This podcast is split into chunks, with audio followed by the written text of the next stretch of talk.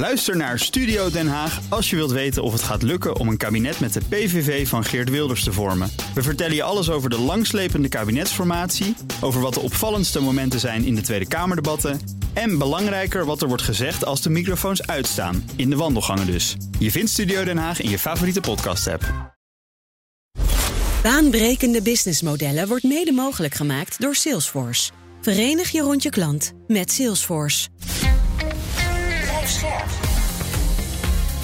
BNR Nieuwsradio. Baanbrekende businessmodellen.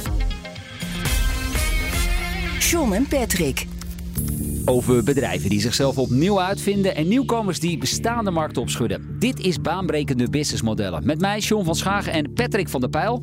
Uh, dit is een extra podcast over kunstmatige intelligentie. En te gast is onze vriend van de show, Remy Gilling van de AI Group tegenwoordig. Hè? Ja, ook al bekend als AI.nl. Wel ontzettend leuk om er te zijn. Mooi. Jij bent uh, net in Silicon Valley geweest. Uh, om wat te doen precies? Ja, we waren op uitnodiging van het Nederlandse consulaat in San Francisco. Uh, een van de meest ondernemende consulaten ter wereld.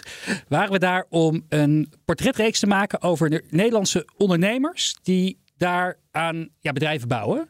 Specifiek rondom het thema kunstmatige intelligentie. En daar zitten ondernemers bij die het grote publiek in Nederland niet kent, maar die in Silicon Valley wel echt heel groot zijn, hè? Nou ja, noem een GitLab, een beursgenoteerd bedrijf, de grootste concurrent van uh, GitHub, een soort van platform voor programmeurs. Ik noem het als het Facebook van uh, de programmatuur, waar alle programmeurs samenkomen om samen aan allerlei programma's te werken, om allemaal open source software te ontwikkelen samen. En GitLab ja, is een van de grootste softwarebedrijven daar in die regio. Uh, echt honderden miljoenen waard. En ja, een Nederlandse CEO en, uh, en, en co-founder zit daar gewoon aan. Brandij. Ja, ja, ja, Sietse, ja. officieel Sietse, maar in, okay. in, in, in, Amerika wordt hij dan ja. Sit genoemd. Jij hebt hem geïnterviewd. Ja. Um, ja, wat, wat vertelde hij jou? Nou, wat, ik was daar met mijn compagnon samen, Job van den Berg. En hij vertelde dat uh, een, een, aantal interessante dingen. Namelijk, recent heeft GitLab hun eigen uh, AI co-piloot uh, uit, uitgebracht. Dat mag je geen co-pilot noemen, want dat is dan weer onderdeel van, van, van, Microsoft. Van, Microsoft, inderdaad. Maar zij hebben dan volgens mij Duo of zoiets genaamd.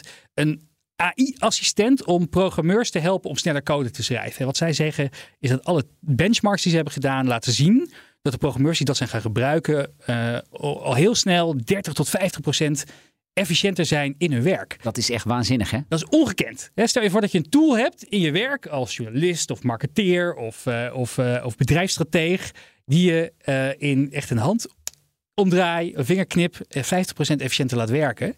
En het grappige is dat dat, dat dat niet betekent dat die programmeurs vervolgens de helft van de week op hun, op hun, op hun, op hun handen kunnen gaan zitten. Nee, het saaie werk wordt overgenomen. Zo heet de boilerplate code. Een beetje de herhalende stappen die je altijd moet nemen voordat je een bepaald softwareproduct kan bouwen. Het vinden van bugs in, uh, in, in softwarecode, dat wordt allemaal veel sneller gemaakt. Dus het werk wordt zowel veel efficiënter als meer betekenisvol. Jij was dus in Silicon Valley op uitnodiging van het consulaat uh, om daar content te maken mm -hmm. uh, over AI-gerelateerde bedrijven. Nou, je gaf net aan, GitLab uh, heb je gesproken. Um, ik heb nog wel eens het idee dat ja, in Nederland niet iedereen nog doorheeft hoeveel impact AI gaat maken. Uh, hoeveel verder zijn ze daar in Silicon Valley al met deze hele ontwikkeling? Ja, zowel qua de implementatie als gewoon qua mindset over wat die technologie gaat doen, zijn ze echt mijlen vooruit. Ik denk dat Nederland hopeloos achterloopt. Waar wij over het algemeen de impact van AI, specifiek generatieve AI, hè, want AI bestaat al 20, 30 jaar, hebben we de nut van. En vanaf de spamfilters hebben grote bedrijven daar al ja, gebruik van kunnen maken. Alleen we hadden voorheen altijd legers aan data scientists of legers aan machine learning engineers nodig om er nut van te hebben. Dus de komst van die generatieve AI-systemen, die is de, dat is de grootste verandering daarin geweest. En wij zien in Nederland over het algemeen met de bedrijven die we spreken of de professionals die we spreken bij alle sessies, dat het idee is dat, dat, dat generatieve AI een soort ChatGPT is. Hè? Dat, dat, dat, dat, dat, een, dat een chatbot, een soort antwoordmachine, dat dat het eindstation is. Terwijl dat echt het vertrekpunt is. We hebben een technologie gecreëerd. Een soort Napster van de hele muziekontwikkeling. Exact. Het is inderdaad, we zitten in het Napster-tijdperk en we willen gaan toegaan naar die Spotify. En wat blijkt nou? Die taalmodellen die de context hebben begrepen van, van, van, van menselijke communicatie met elkaar, van geschreven communicatie, snappen wat wij, wat wij schrijven. Dat daar kan je dat een chatbot van maken. Daar kan je een prompt van, van maken. Van schrijf voor mij een LinkedIn gedicht. Een Sinterklaas uh, rijmpje. Maak voor mij een uh, concept voor, mijn, uh, voor tekst voor mijn podcast. Bedenk wat vragen voor Patrick. Ik weet het niet. Je kan alles, alles ingooien. Hij komt met een antwoord. Dat is leuk. Wat een veel grotere verandering is, is dat dit echt een sleutelmoment is in het tijdperk van automatisering. We hebben automatisering echt al heel lang. Hè. We hebben jarenlang hebben we tools gehad als UiPath, Microsoft Power Automate. Kon je heel stapsgewijs kon je procesjes in je bedrijf kon je automatiseren. Maar je moest heel duidelijk aangeven wat, wie, wanneer, in welk stap je in het proces moest gaan doen. Er zat heel weinig complex cognitief vermogen achter. En omdat die systemen in staat zijn om te redeneren als mensen, we kunnen ze instrueren om te redeneren als mensen en om context te halen uit allerlei complexe documentstructuren, uit Word-documenten, PDF's, alles in de organisatie waar je normaal gesproken een mens voor moest hebben om ergens informatie vandaan te halen en dat naartoe te sturen. Dat kunnen deze systemen nu ook. En we zijn nu eindelijk in staat om alle vormen van werk waar cognitief vermogen voor nodig is, om dat te ondersteunen en later ook te gaan automatiseren. Maar heeft dan misschien de reden dat um, dit wat minder populair is of minder op die manier wordt besproken in Nederland te maken met het feit dat in Silicon Valley de omvang, volume vele malen groter is dan hier en ze er ook eerder met het onderwerp aan de slag moeten? Ik denk dat het grote verschil is, is dat de, het, het, thema daar zo doorleefd is. Hè. Het, het, het fijne van Silicon Valley is een van de mooiste voorbeelden hiervan, vind ik altijd. Uh, jullie zijn vaker in Silicon Valley geweest, maar als je daar vanaf het vliegveld de stad binnenkomt rijden, San Francisco binnenkomt rijden, dan zie je langs de snel allemaal billboards staan. Nou, en in, Nederland hebben we billboards met van de Nivea of uh, André Lon of weet ik veel wat. Elk billboard wat je in die stad ziet, langs de snelweg of ergens anders, dat heeft met tech te maken. En er is op dit moment geen billboard meer te vinden waar geen AI op staat. Dus is het dan ook tech-driven of is het nog steeds een een, een, een, nog steeds een plat plaatje, maar overal moet een, een AI-combinatie in staan. Iedereen heeft het erover. Dus iedereen, in elk gesprek wat je maar voert, je kan geen, geen, geen gesprek openen met iemand of er wordt, komt er drie keer het woord AI voorbij. En omdat de gesprekken zoveel verder gaan dan de gesprekken die we hier hebben, waar het toch altijd gaat over eh, ja, maar de duurzaamheid en de ethische bezwaren, et cetera, et cetera.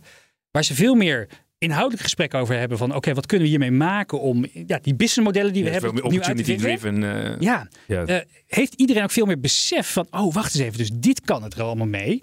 Als, dit, als, als jij dit ermee aan het bouwen bent, hè, als jij een, een bot aan het bouwen bent om al je contractbeheer te automatiseren of uh, de, de, de, afdeling contractmanagement een enorme boost te geven, omdat we in één keer de contact al die complexe contracten kunnen halen ja, dan word je ook zelf weer aangezet, geïnspireerd om daarmee aan de slag te gaan. Dus ik denk dat het, het, verschil in Amerika echt zit in het feit dat die uh, deling van de content, hè, dat, dat het delen van die kennis en de inspiratie die het naar elkaar geeft, en ook een beetje dat competitief vermogen, dat je denkt, oh wacht eens even, mijn concurrent is, is er ook al heel ver mee, dat dat het grote verschil maakt. Jullie waren daar één week. Um, heb jij met al die koplopers heb jij gesproken? Welke visie schetsen ze jou voor over pak een beetje 10, 15 jaar? In wat voor wereld leven we dan en hoe zien businessmodellen er dan uit? Ja, wat ze schetsen, er zijn twee, twee, twee, twee routes waar je dan aan kan denken. Enerzijds inderdaad wat meer de korte termijn automatisering. Anderzijds de komst van artificial general intelligence. Daar hebben we het ook met iedereen over gehad. Er zijn heel, heel uiteenlopende denkrichtingen over. Dat is ook wel leuk.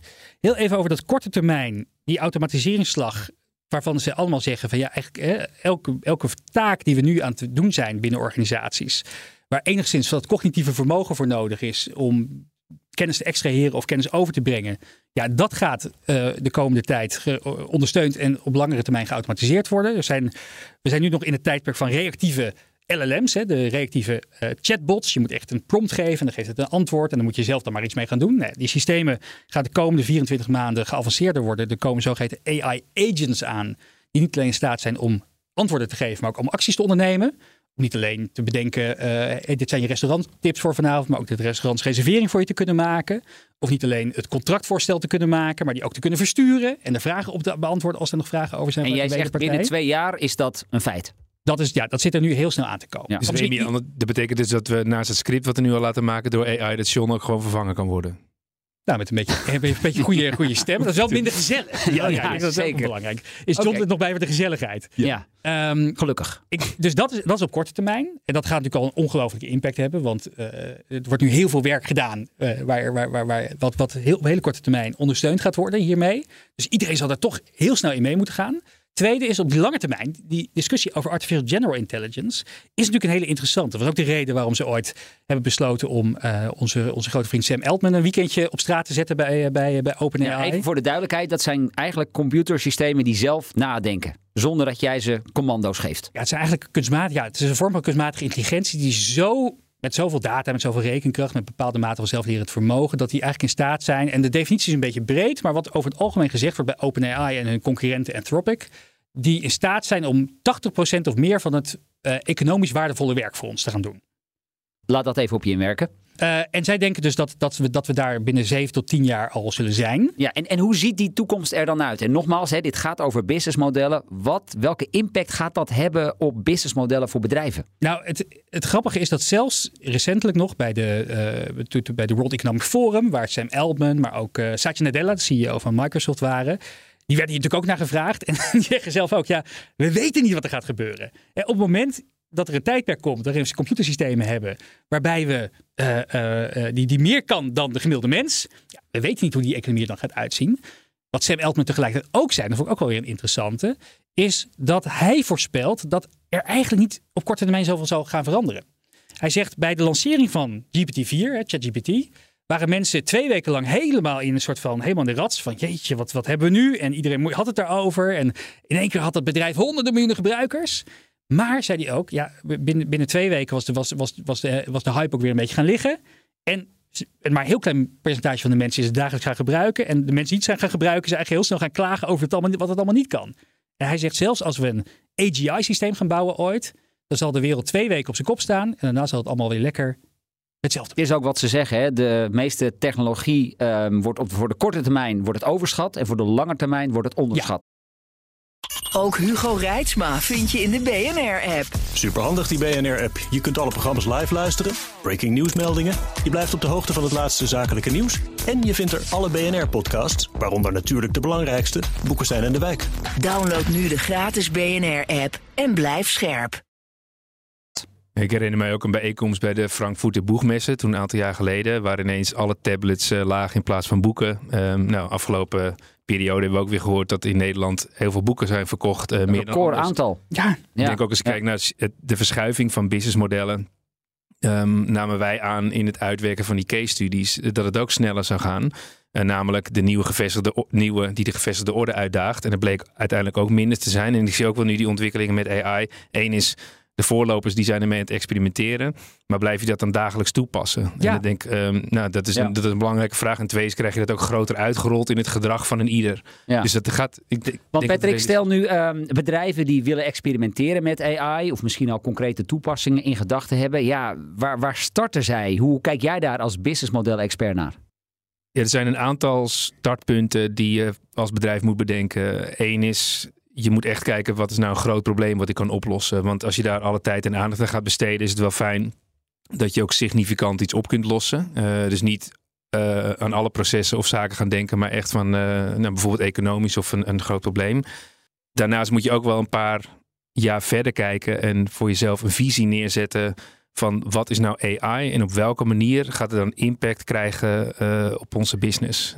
Want er wordt ook in de organisatie op andere manieren naar AI gekeken en sommigen vinden dat heel erg eng. Even nog een leuke aanvulling hierop, waar we het net ook nog even ook over hadden. Hè, van, van hoe gaat die toekomst eruit zien van businessmodellen. Dat we ook heel vaak geneigd zijn mensen om, ehm, eh, om, om, om, om heel eh, eh, gepolariseerd te denken hierover. Van, we gaan een toekomst krijgen met AI, dus we gaan alleen maar gerobotiseerde bedrijven krijgen waar geen mensen meer werken. Terwijl we hadden een heel interessant gesprek met een taxichauffeur in, in, in San Francisco. Die was ons een stuk door de stad aan het rijden. We hadden de dag ervoor in zo'n zelfrijdende taxi van Waymo gereden. Waarbij je dan instapt en je wordt door die stad gechauffeurd zonder dat er nog een mens achter het stuur zit. Ja, waanzinnig hè? Wat wel grappig is, op een gegeven moment, we- we zijn een ludist tegengekomen. De ludisten zijn de mensen die tegen technologie zijn. En iemand die eh, zat op de fiets en die, die trapte bewust de zijspiegel eraf van die auto. Terwijl jullie daarin ja, zaten. de- ja, dus de- die auto ging knipperen en er werd contact gezocht met de, met, met, met, met de helpdesk. Nou, die Dus zei jij meteen, dit is een ludist. ja, dat was heel duidelijk. Want hij had het daarvoor al bij een andere taxi, een Waymo-taxi gedaan. Eh, eh, ook een beetje een hippie op een fiets. Dus het was ook een beetje zo'n type die je misschien bij, bij voorstelt. Misschien moeten jullie dit toch eh, gaan overwegen om uit Silicon Valley eh, te gaan eh, emigreren. Ja, want dat lijkt me toch niet de meest geschikte woonplaats voor, eh, voor gevaarlijk, hem. gevaarlijk, gevaarlijk gebied voor hem, inderdaad. Maar de discussie die we hadden met die taxichauffeur, want die zat, we zaten toen te vertellen van we hebben in die taxi gezeten, hoe kijk jij daarnaar? Hij zei, nou, ja, ik vind het ook wel een beetje eng voor de mensen die het heel leuk vinden om die taxis te rijden. Hij had het dan zelf niet. Maar we kwamen eigenlijk ook tot de conclusie dat er veel waarschijnlijker komt er een toekomst waarbij je gewoon een aantal taxis hebt die door mensen gechauffeurd worden, waar je kan kiezen. Je hebt een aantal taxibedrijven waar je, die ro- robotic ge- geauto- ge- ge- geoperate zijn. En dat mensen gewoon de keuze gaan krijgen. Hè? Dat het niet de keuze is van oh, of, of het is de radio of de televisie. En, Of het is het boek of de e-book. en zeg maar, de Uber is de nieuwe taalschool voor immigranten. Ja, Nou, ook Ja. inderdaad. Ja. Die leren daar eh, Engels eh, spreken. Want Patrick, hoe kijk jij daarna? Want eh, eh, heel veel eh, mensen die met AI in aanraking komen of die er iets over horen, iets over lezen, die zeggen, ja, oeps, daar gaat mijn baan. die denken inderdaad dat ze vervangen worden door AI. En natuurlijk zit wel een kern van waarheid in. Dus als je dat weet, dan moet je als organisatie ook wel een strategie uitstippelen en nadenken op welke manier je daar naar kijkt, zodat je ook een duidelijke boodschap aan kan geven. Dus ehm, dat gebeurde ook in Duitsland, een heel groot internationaal concern. En die eh, zeiden, we gaan experimenten opzetten samen met eh, Microsoft om te kijken wat het voor ons bedrijf zou betekenen. En de hele zorgvuldige stappen gezet ehm, om uiteindelijk ook mensen uit te nodigen om daar in die experimenten mee te doen. John, wat denk je dat er gebeurt op de dag dat die experimenten worden aangekondigd? Ja. ja, jij mag het zeggen, geen idee. Nou, er waren dus tien mensen die meteen naar de OR zijn gegaan. Oh, Dus het was uiterst zorgvuldig voorbereid ah, oké. met het bestuur, met Microsoft, die ook vaker met dat bijltje hakt. En uiteindelijk ehm, liggen er nu zeg maar al twee, drie maanden eh, zijn er onderhandelingen die plaatsvinden met de OR. En de uitkomst gaat zijn dat dat bedrijf tot 2030 geen mensen mag ontslaan. Hetzelfde zie je natuurlijk in Amerika, waar, die, waar die grote Hollywood-studio's ja, onder dwang van grote stakingen hebben moeten, moeten, moeten, moeten beloven dat ze geen AI gaan toepassen tot 2030 of zo, om de scripts van Hollywood te gaan schrijven. Dit lijkt mij niet het advies wat jij doorgaans aan bedrijven geeft, Remy. Want mensen die dit horen, tot, eh, tot slot, wat, ehm, ja, wat zouden zij moeten? Hoe, hoe beginnen zij hiermee? Nou, ja, ik denk dat het, oude, het eeuwenoude credo van hè, mensen willen wel veranderen, maar niet veranderd worden, wat volgens mij eh, die prachtige spreuk uit de koker van Remco Klaassen komt, is dat eh, je mensen vooral moet meenemen hierin. Want het, kijk, niemand zit te wachten op, op, op, op niemand zit te wachten op boring work. Ik denk dat eh, het aantal burn-outs wat in Nederland vandaag de dag er is, aantoont dat het werk wat we vandaag de dag doen niet per se het is waar we met z'n allen dolgelukkig van worden. De onderzoeken van Adobe die laten zien dat de gemiddelde professional 4,5 uur per dag in, zijn of haar mailbox zit, zijn echt schrikbarend. En ik denk dat het dus veel meer ook een gesprek is wat we moeten voeren. Van jongens, het werk wat we vandaag de dag aan doen zijn, is misschien niet het werk hoe het idealiter zou zijn. Als je nou, je bent marketeer en je zou je ideale werkdag voor je zien. Dan zou je niet iedere dag uren in Excel zitten te klooien of in Teams-vergaderingen of in. Dan zou je het anders inrichten. Ik denk dat het gesprek over aangaan daarover en mensen laten meedenken. Oh, hoe zou het idealiter wel kunnen? En die symbiose tussen mens en machine Ja, maar, zoeken. ja, bijvoorbeeld bij zo'n marketeer, hè, als je marketeer bent, dan ben je gewend om ehm, aan persona's te denken die zeg maar een soort mentaal model geven om na te denken over jouw klanten. Dat doe je dan nog met post-its of je doet dat in een, eh, een, een formulier invullen. Ja, hier bij BNR hebben we het altijd over Erik en Daphne. Nou, Ja. bijvoorbeeld. Ja. Ehm, alleen wat je nu kan doen, is dat een, met het systeem wat wij werken, ehm, zie je uiteindelijk dat je je brandinformatie kan uploaden, je personas kan uploaden. En je drukt op een knop en die gaat automatisch die teksten eh, voor jou maken. Alleen dat betekent nog wel dat je in de kookwereld de Gordon Ramsay moet kunnen zijn om te kunnen koken. Dus ehm, het gaat je leven gemakkelijker maken. Kijk, een ander wat ik nog wel interessant vind is, kijk, nu zie je ineens overal dit voorbij komen. eh, als het gaat over die eh, AI. Alleen dit is al een ontwikkeling wat natuurlijk al veel langer eh, gaande is. En zoals John Maeda, een designprofessor die nu AI doet bij Microsoft, die gebruikt wel eens het voorbeeld van het ketchup effect. Dus je drukt heel lang op die fles en er komt niks uit. En ineens komt er een grote plots. Dat is wat we nu zien. Dus bijvoorbeeld in de platform business modellen, neem nou een, een bol of een marktplaats. Waren die toepassingen met AI al noodzakelijk? Want anders kon je nooit die vraag en aanbod matchen. En het personi- personificeren. Alleen wat we nu zien is dat dat on steroids gaat. En dat er daardoor ook weer andere businessmodellen gaan ontstaan. Dus bijvoorbeeld een Airbus, eh, die bijvoorbeeld, dat heet Skywise. En die koppelen eigenlijk alle data in de hele keten eh, voor alle betrokken partijen. Zodat uiteindelijk nieuwe inzichten ontstaan. Dat gaat helpen voor ontwikkeling. Dus dat is een voorbeeld van een ecosysteem. Maar bijvoorbeeld ook een Ping-An, eh Ping-An, dat is zeg maar een, eh, ja, het meest eh, succesvolle verzekeringsbedrijf in China. En wat zij hebben gedaan is dat ze ook met diezelfde AI en kennis naar andere markten kunnen gaan. Dus ze zijn niet alleen de grote verzekeraar, maar ook het gebied van health. Dus dat betekent uiteindelijk dat soort toepassingen veel breder toegepast worden. Maar zijn oorsprong eigenlijk vond in grote volumes eh, data. Dus dat zijn de grote platform business modellen. En dat gaat zich steeds meer eh, vergroten naar meer van dat soort modellen, maar naar hele ecosystemen. Maar misschien nog even één toevoeging. Ja, zeker, Wat, ik, wat ik nog wel mooi vind om even te vertellen, is dat hè, die angst die hier in Nederland heel erg zit met die generatieve AI-modellen, omdat we het vooral zien als ChatGPT, waarbij er heel vaak hallucinaties optreden. Dus we halen feiten en fictie door elkaar, waarbij de data niet altijd veilig is, waarbij eh, de antwoorden inconsistent zijn. Dat het besef er komt van mensen, is dat die modellen die erachter zitten, zeker met nieuwe zoektechnologie genaamd Retrieval Augmented Generation, ingewikkelde term, maar dat die eigenlijk allemaal op te lossen zijn. En als je dat nou, die kennis uh, en dat besef van, oké, we hebben dus een, een, een taalsysteem die het cognitieve werk van mensen over kan nemen, of in ieder geval kan ondersteunen. Hoe kan ik dat gebruiken om elk procesje wat ik in mijn bedrijf heb, hoe kan ik dat slimmer gaan maken, zodat ik hetzelfde kan doen, uh, of dat ik veel meer kan doen met hetzelfde aantal mensen? Ik denk dat dat een hele goede uh, gedachtegang is voor mensen om een keertje over, te, over na te denken. Omdat we natuurlijk uiteindelijk ook een probleem hebben met arbeidskrachten te vinden. Ja, en die, die krapte die blijft alleen maar groter worden de komende jaren door vergrijzing. Dus we moeten wel. Ja, en dan tot slot de content die jullie gemaakt hebben in Silicon Valley. Waar Ja. kunnen we die zien, horen? Ja, dus ze zullen gepubliceerd worden op de social kanalen van het consulaat. Eh, die kan je volgen op LinkedIn. Het zal ook gepubliceerd worden bij de Vrienden van de Ondernemer. Het zal ook eh, worden gepubliceerd op de kanalen van eh, AI.nl. En natuurlijk eh, gaan wij nog binnenkort een eh, mooie sessie verzorgen, Patrick. Ja, eind februari eh, geloof ik. Ja. Remy Gieling eh, van de AI Group, dankjewel dat jij eh, hier weer te gast wilde zijn. En Patrick, ook jij dank. Aanstaande woensdag zijn wij weer te horen op BNR tussen half twee en twee uur. En meteen daarna verschijnt die aflevering weer in je podcastfeed. Eh tof dat je deze nog even wilde meepakken. En tot de volgende keer. Baanbrekende businessmodellen wordt mede mogelijk gemaakt door Salesforce. Verenig je rond je klant met Salesforce. Ook Thomas van Zeil vind je in de BNR-app. Je kunt live naar mij luisteren in Zaken doen, de BNR-app met breaking news, het laatste zakelijke nieuws en je vindt er alle BNR-podcasts, bijvoorbeeld Het Nieuwe Geld. Download nu de gratis BNR-app en blijf scherp.